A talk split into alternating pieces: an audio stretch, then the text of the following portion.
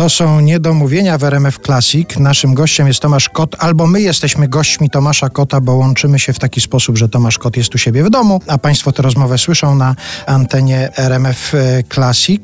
I teraz... Ja prze- listem RMF Classic, ja też jestem jakby gościem w czyichś domach i wszyscy sobie gościujemy. Po prostu jesteśmy gościami. Tak, w myśl starej zasady gość w dom, rozmowa na antenie. Jest takie stare przysłowie.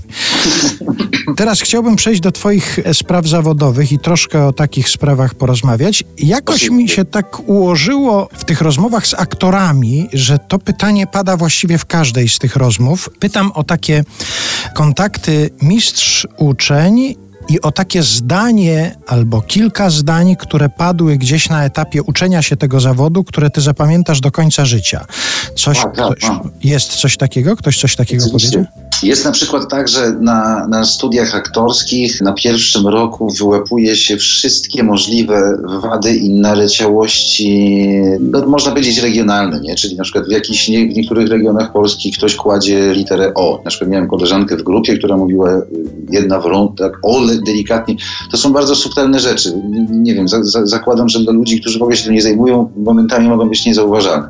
Od tego pierwszego roku przez trzy lata, przynajmniej w naszej szkole, jest taka żmudna praca nad dykcją i człowiek trzyma korek w ustach i cały czas y, ćwiczy takie zbitki językowe, żeby ten aparat mowy był jak najbardziej sprawny. Ale na drugim roku już można ten korek wypuścić z ust? Czy to jest tak? Tak, ale to się jakby kontynuuje, bo to faktycznie jest skuteczne i szy, szybko jakby pomaga, bo to jakby generalnie każdy student ma swój korek, odwinę i tak dalej. E, mało tego, w dawnych czasach tym korkiem robiono make-upy, to znaczy jak się zapalniczką opaliło korek, to taki węglowy osad można było coś, coś z twarzą zrobić i tak dalej, więc, więc, więc tak w szkole nas uczyli, korek przyjacielem aktora.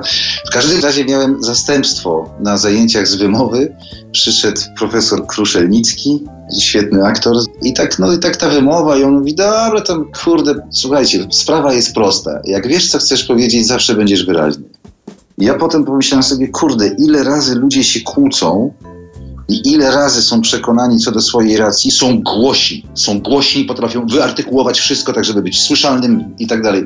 Jak sobie to uświadomiłem, to pomyślałem sobie, kurde, cała sztuka to wiedzieć, co się chce powiedzieć. Znaczy wiedzieć, o czym się mówi. I wtedy jakby nie trzeba tych żmudnych ćwiczeń robić.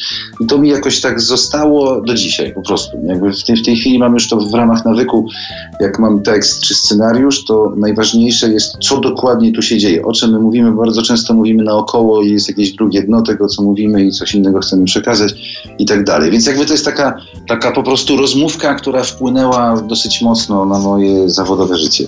RMF Classic i niedomówienia bez wychodzenia. Do rozmowy wracamy za chwilę.